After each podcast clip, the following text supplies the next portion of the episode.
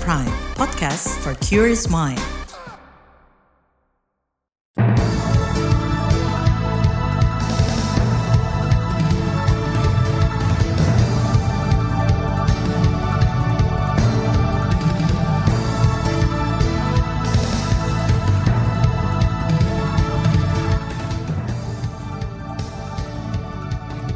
Selamat pagi saudara, berjumpa kembali dalam Buletin Pagi edisi Selasa 16 Januari 2024. Saya Naomi Liandra. Sejumlah informasi pilihan telah kami siapkan, di antaranya PN Cibinong didesak hentikan perkara gugatan untuk pejuang lingkungan. Pemerintah jamin pasokan bawang merah aman saat Ramadan dan Idul Fitri. Jutaan anak di Jawa Tengah ditargetkan mendapat vaksinasi polio. Inilah Buletin Pagi selengkapnya. Terbaru di Buletin Pagi. Saudara Guru Besar Kehutanan Institut Pertanian Bogor Bambang Hero Saharjo awal tahun ini kembali menghadapi gugatan dari perusahaan sawit di Riau, yakni PT Jatim Jaya Perkasa JJP. Objek gugatan ini adalah keterangan sebagai ahli dari Kementerian Lingkungan Hidup dan Kehutanan yang disampaikan Bambang Hero di pengadilan, tepatnya pada Maret 2015 dan Juni 2016. Keterangan saksi ahli yang digugat PT JJP adalah keterangan berbeda Bambang Hero berdasarkan penelitian lapangan pada 6 November 2013 menyatakan bahwa luas kebakaran pada areal perkebunan adalah 1000 hektar saat sidang perdana. Sementara berdasarkan persidangan pidana pada 17 Juni 2013 dinyatakan bahwa luasan kebakaran hanya sebesar 120 hektar. Karena kesaksiannya itu, PT JJP menilai Bambang Hero telah melakukan perbuatan melawan hukum dan dituntut membayar kerugian 501 miliar rupiah. Sebelumnya Bambang Hero pernah digugat PT JJP pada 2018, tapi PT JJP kemudian mencabut gugatan tersebut. Guru Besar Kehutanan IPB Bambang Hero Saharjo mengatakan penggugat menginginkan dirinya mencabut kesaksian di persidangan bahwa kebakaran hutan dan lahan yang diakibatkan oleh PT JJP adalah 1000 hektar. Kata dia, pernyataan luas lahan yang terbakar itu disampaikan saat menjadi saksi ahli dari Kementerian Lingkungan Hidup dan Kehutanan KLHK di persidangan. Saya meresponnya begini, karena kan itu baru verifikasi ya, dan itu pun yang menyatakan itu sebetulnya informasinya itu dari pihak perusahaan itu loh, gitu kan. Nah boleh dong saya sebagai ahli kemudian melakukan perhitungan kembali gitu kan ya terhadap apa yang terjadi seperti itu berdasarkan satelit dan sebagainya. Guru Besar Kehutanan IPB Bambang Hero memastikan penyampaian data hasil penelitian merupakan hak ahli yang dilindungi undang-undang. Dan data yang dimilikinya sudah diakui majelis hakim di tingkat banding, kasasi, dan peninjauan kembali PK. Bambang Hero menilai gugatan yang diajukan PT JJP kepada dirinya merupakan upaya pembungkaman atau serangan terhadap partisipasi masyarakat atau SLAP. SLAP adalah serangan hukum kepada para pembela lingkungan hidup berupa tuntutan pidana dan gugatan perdata – karena mengungkap pelanggaran hak atas lingkungan hidup. Bambang Hero juga menyatakan sudah berkoordinasi dengan Menteri Lingkungan Hidup dan Kehutanan Siti Nurbaya Bakar guna memastikan pendampingan hukum. Sementara itu dalam keterangan pers Dirjen Penegakan Hukum Kementerian Lingkungan Hidup dan Kehutanan Rasio Ridosani menegaskan kementeriannya akan mendukung dan melindungi Bambang Hero dari gugatan yang menjeratnya.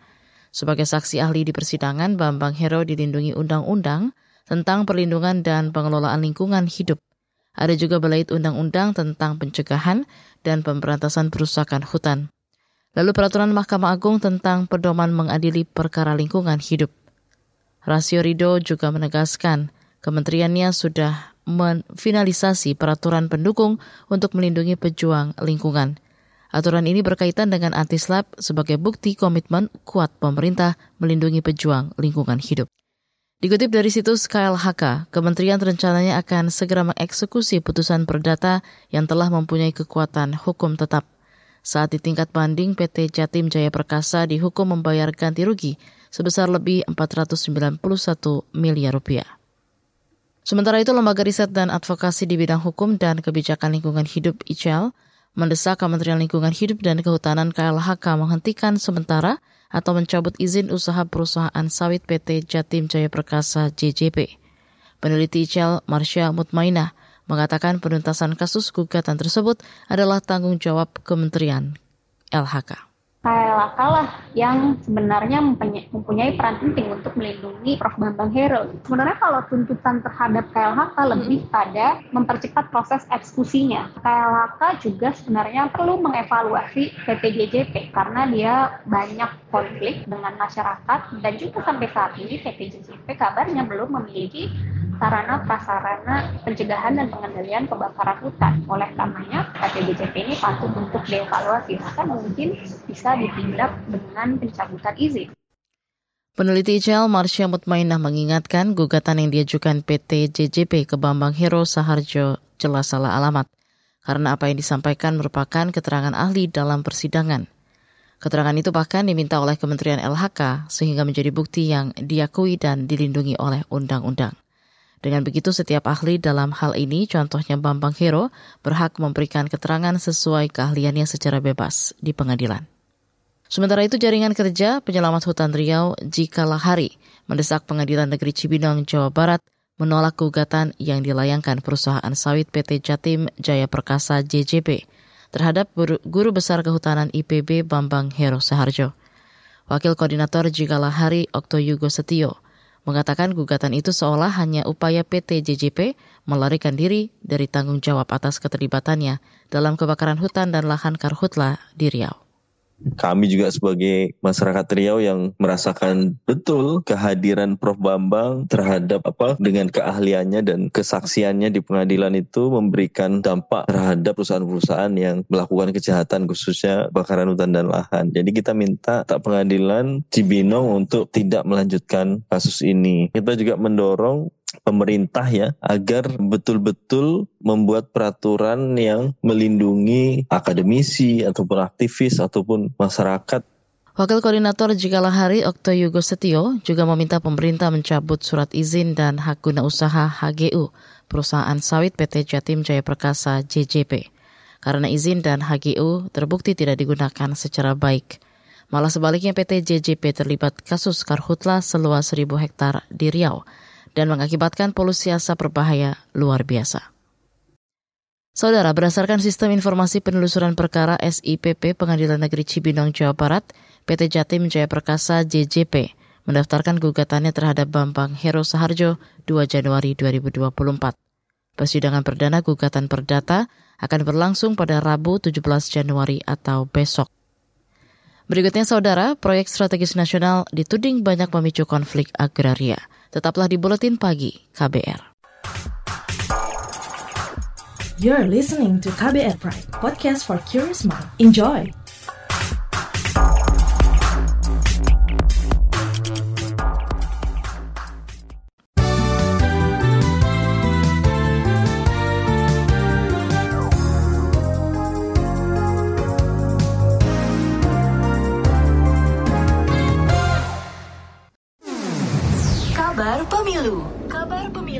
Saudara Kepala Staf Kepresidenan Muldoko menyebut isu pemakzulan atau pelengseran Presiden Joko Widodo hanyalah agenda yang tidak produktif di tengah agenda pemilu 2024.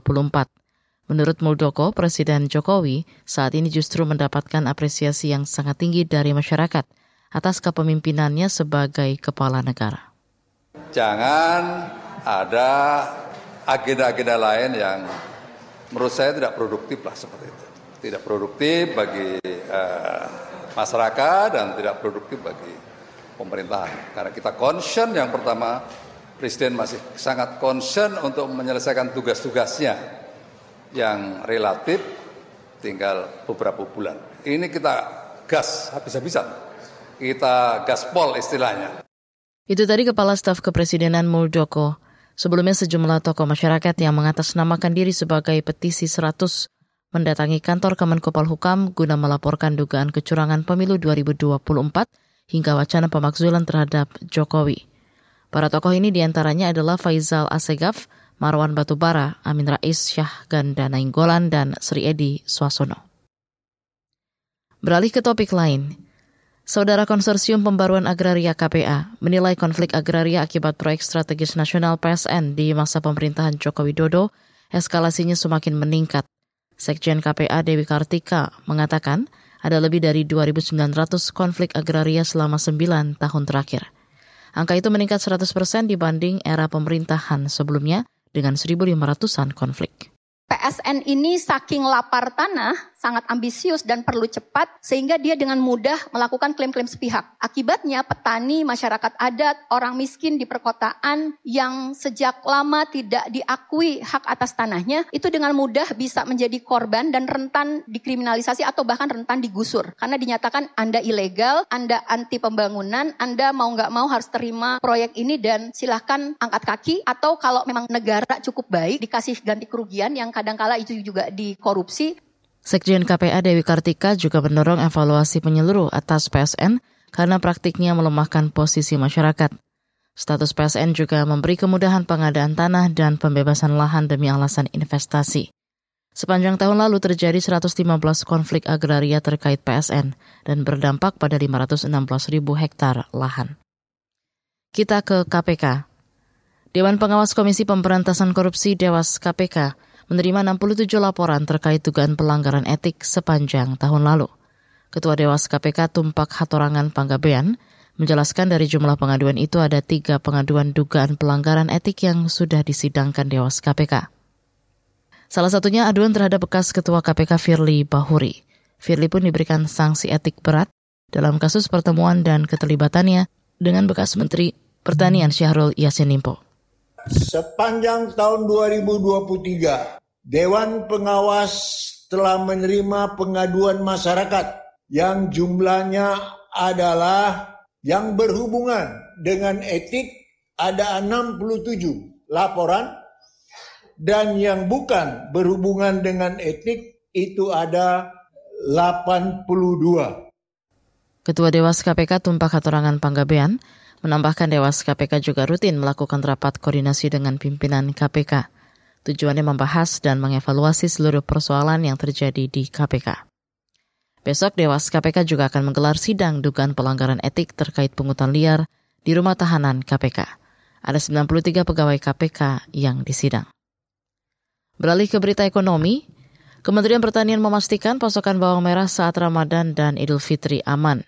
Direktur Pengolahan dan Pemasaran Hasil Hortikultura, Bambang Sugiyarto, mengatakan terpenuhinya kebutuhan bawang merah itu karena diprediksi terjadi surplus di bulan Februari sebanyak 14 ribu ton.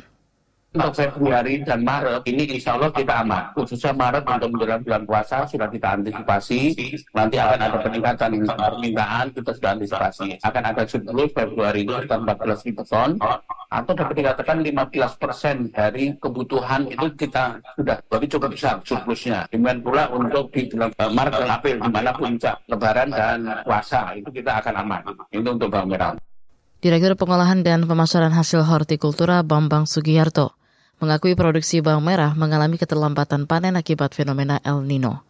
Sebelumnya BPS menyebut pada pekan kedua Januari ini harga bawang merah naik lebih dari 16 persen.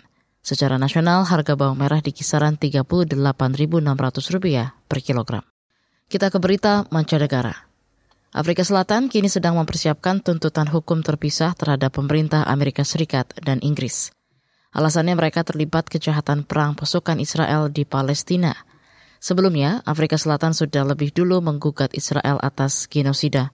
Tuntutan hukum itu diprakarsai oleh salah satu dari 50 pengecara Afrika Selatan, Vigus van Rensburg. Amerika Serikat menurut Rensburg harus bertanggung jawab atas kejahatan yang dilakukannya. Negara dikuasa itu dinilai sibuk menghabiskan lebih banyak uang dan sumber daya untuk membiarkan Israel melakukan kejahatannya. Hal yang sama dilakukan Inggris. Kita ke berita olahraga. Timnas Indonesia dibekuk Irak dengan skor 1-3 dalam matchday pertama babak penyisihan grup di Piala Asia 2023 di Stadion Ahmad bin Ali Al Rayyan, Qatar. Irak memimpin 1-0 lebih dulu melalui Muhammad Ali. Timnas Indonesia lalu menyamakan kedudukan 1-1 melalui Marcelino Ferdinand. Jelang berakhir babak pertama, Timnas Indonesia mesti menerima kenyataan kecolongan berkat kontribusi Osama Rashid. Di babak kedua, Ayman Hussein memperkuat kemenangan menjadi 3-1. Kekalahan dari Irak membuat timnas Indonesia menempati posisi terakhir dalam klasemen Grup D Piala Asia 2023. Sedangkan Irak berada di urutan kedua seusai mengemas tiga poin dari satu laga. Di bagian berikutnya kami hadirkan saga tentang minoritas menanti langkah progresif di Perpres PKUB bagian kedua atau terakhir. Tetaplah di Buletin Pagi KBR. You're listening to KBR Pride, podcast for curious mind. Enjoy!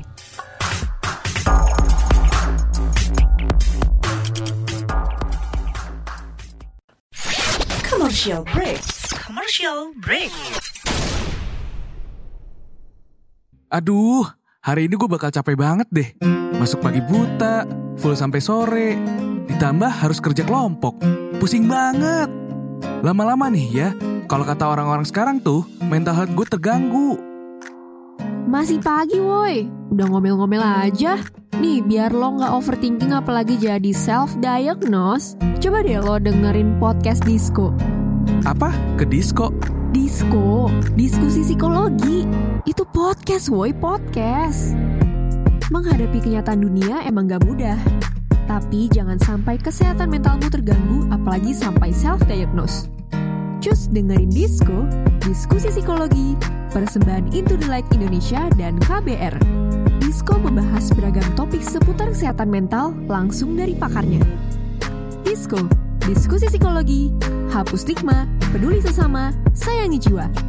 Simak di kbrprime.id dan platform mendengarkan podcast lainnya. KBR Prime, podcast for curious mind.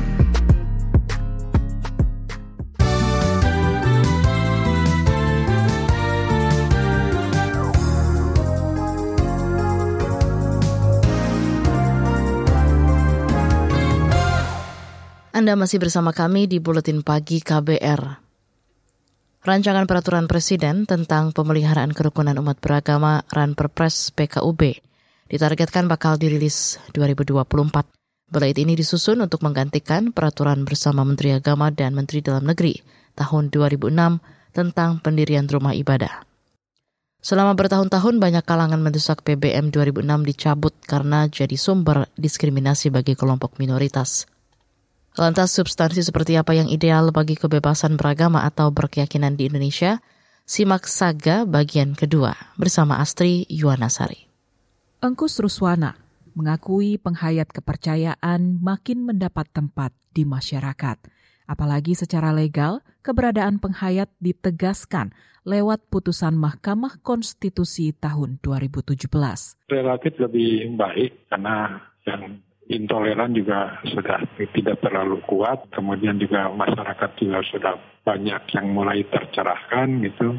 Karena selama ini kan banyak stigma gitu. Ini kan sedikit-sedikit terkikis.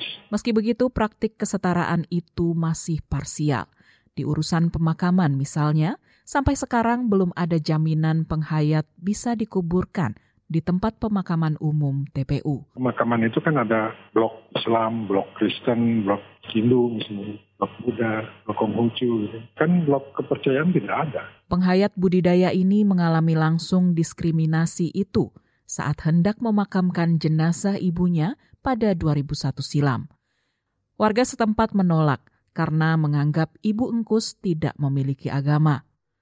Setelah berunding panjang, akhirnya jenazah boleh dimakamkan di sana dengan syarat harus disolatkan dulu. Kalau ada kasus-kasus kematian, penguburan itu biasanya dimakamkan di makam keluarga. Tapi kalau yang di masyarakat kota kan problem. Kadang-kadang akhirnya terpaksa minta dispensasi ke agama tertentu atau terpaksa diagamakan dulu karena negara belum atau pemerintah belum menyediakan. Engkus berharap diskriminasi ini disudahi. Harapannya tertuju pada rancangan peraturan presiden tentang pemeliharaan kerukunan umat beragama atau Perpres PKUB yang tengah digodok pemerintah. Penghayat mesti dicantumkan dalam Perpres setara enam agama lain. Selanjutnya, penghayat bisa punya wakil resmi di Forum Kerukunan Umat Beragama FKUB. Akses ke fasilitas publik seperti pemakaman pun bakal kian mudah. Kan nanti di Perda misalnya, karena Perpres kan di atas Perda kedudukannya kan, bisa jadi acuan untuk Perda tentang misalnya pemakaman. Engkus bilang di sebagian daerah penghayat sudah dilibatkan dalam FKUB maupun forum lain di masyarakat.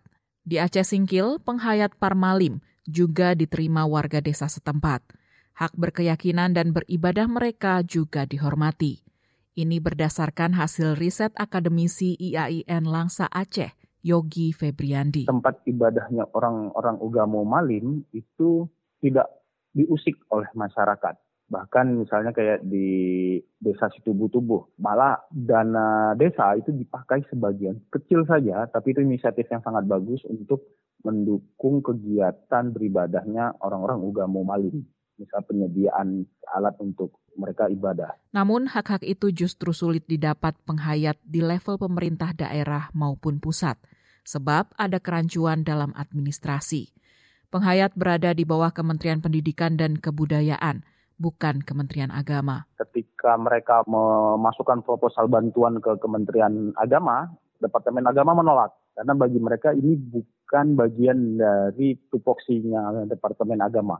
Nah, ketika mereka minta ke dinas kebudayaannya, itu nggak masuk juga ke dalam mata anggaran yang bisa dipakai karena tidak ada istilah tempat ibadah dalam mata anggaran dinas pendidikan dan kebudayaan. Situasi ini ditengarai menjadi potensi pengganjal masuknya penghayat dalam ran perpres PKUB. Yogi Febriandi mendorong ran perpres PKUB lebih inklusif dengan merangkul penghayat. Langkah ini bisa menjamin hak berkeyakinan dan beribadah mereka. Agar kawan-kawan dari penghayat kepercayaan itu punya legalitas ketika mereka ingin mengurus izin tempat ibadah mereka atau ketika mereka memiliki masalah dengan tempat ibadah mereka. Ini juga penting karena di FKUB kan selama ini itu hanya untuk kelompok-kelompok agama besar, tapi kan tidak diisi oleh kelompok-kelompok kepercayaan. Harusnya nama perpres ini adalah forum kerukunan umat beragama atau berkeyakinan. Sementara itu, Komisioner Komnas HAM Pramono Ubaid berpandangan, kerumitan ini bersumber dari cara pemerintah memandang penghayat. Jika perspektif pembuat kebijakan masih salah kaprah, maka sulit berharap peran perpres PKUB sebagai pintu masuk kesetaraan bagi penghayat. Karena mereka menjadi bagian dari budaya, yaitu sering kali seolah-olah negara itu cukup memelihara agar tidak punah. Padahal itu bagian dari sistem kepercayaan yang memang dianut oleh sebagian bagian dari warga kita. Kita tidak boleh menggunakan cara pandang kita yang monoteistik. Gitu ya. Demikian laporan khas KBR, saya Astri Yuwanasari. Usai saga, informasi dari daerah akan hadir usai jeda. Tetaplah bersama Buletin Pagi KBR. You're listening to KBR Pride, podcast for curious mind. Enjoy!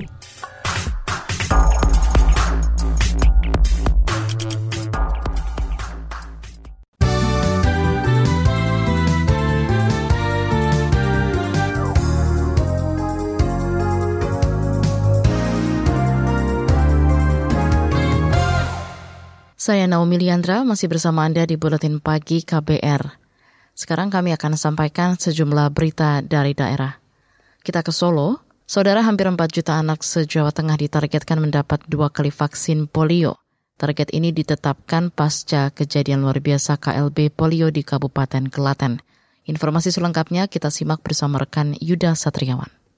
Pemerintah Provinsi Jawa Tengah secara serentak menggelar vaksinasi polio secara massal di wilayahnya. Kepala Dinas Kesehatan Provinsi Jawa Tengah Yunita Dia Sumunar mengatakan vaksinasi dilakukan dengan sasaran sekitar 4 juta anak di Jawa Tengah pasca KLB polio di Klaten. Dia menargetkan tingkat partisipasi bisa mencapai 95. Di Jawa Tengah, kemudian Jawa Timur, DIY, dan Madura ya Jawa Timur Madura juga melakukan hal yang sama pada hari ini tanggal 15 Januari dan 5 hari ke depan. Kemudian nanti yang kedua pada tanggal 19 Februari sampai dengan 25 Februari. Lebih lanjut dia menjelaskan Jawa Tengah sebenarnya sudah terbebas polio sejak tahun 2014 lalu. Temuan kasus seorang anak yang terinfeksi polio di Klaten akhir tahun 2023 lalu diketahui memiliki riwayat perjalanan dari daerah lain ibu dia. Dan dia berharap imunisasi secara massal ini bisa menghindarkan anak dari penyakit yang disebabkan polio di wilayahnya. Dari Solo, Jawa Tengah, Yuda Satriawan. Kita ke Yogyakarta. Polresta Yogyakarta menetapkan guru sekolah dasar swasta berinisial JL, 24 tahun sebagai tersangka pencabulan anak. Kapolresta Yogyakarta Aditya Surya Dharma menjelaskan JL sebelumnya dilaporkan ke Mapolresta Yogyakarta oleh orang tua siswa dan kepala sekolahnya pada Senin pekan lalu. Unit PPR Satreskrim Polsek Jakarta melakukan pencarian keberadaan tersangka JL dan selanjutnya melakukan penangkapan di rumah tersangka di wilayah Sleman. Kapolresta Yogyakarta Aditya Surya Dharma menambahkan semula jumlah korban yang dilaporkan ada 15 anak. Namun usai pemeriksaan hanya kasus 5 anak yang memenuhi unsur pencabulan. Atas perbuatannya JL disangka melanggar Undang-Undang Perlindungan Anak Ancaman hukumannya minimal 5 tahun dan maksimal 15 tahun serta denda paling banyak 5 miliar rupiah. Saudara Badan Nasional Penanggulangan Bencana BNPB mencatat 38 bencana telah terjadi dalam sepekan terakhir. Juri bicara BNPB Abdul Muhari mengatakan, seluruh bencana termasuk kategori hidrometeorologi, yakni 27 banjir, 8 cuaca ekstrim, dan 3 kejadian longsor. Jubir BNPB Abdul Muhari mengingatkan longsor menjadi salah satu bencana yang harus mendapat perhatian serius karena berpotensi mengakibatkan korban jiwa. Kejadian longsor terbaru terjadi pekan kemarin di Banjarnegara, Jawa Tengah. Badan Penanggulangan Bencana Daerah setempat bahkan mengajukan peningkatan status dari siaga darurat menjadi tanggap darurat. Tujuh kecamatan yang terdampak yakni Susukan, Bawang, Banjarmangu, Punggelan, Pandanarum, Wayanesa, dan Kecamatan Pagentan. Informasi tadi menutup jumpa kita di Buletin Pagi. Pantau terus informasi terbaru melalui kabar baru situs kbr.id, X kami di akun Berita KBR, serta podcast di kbrprime.id. Saya Naomi bersama tim yang bertugas undur diri. Salam.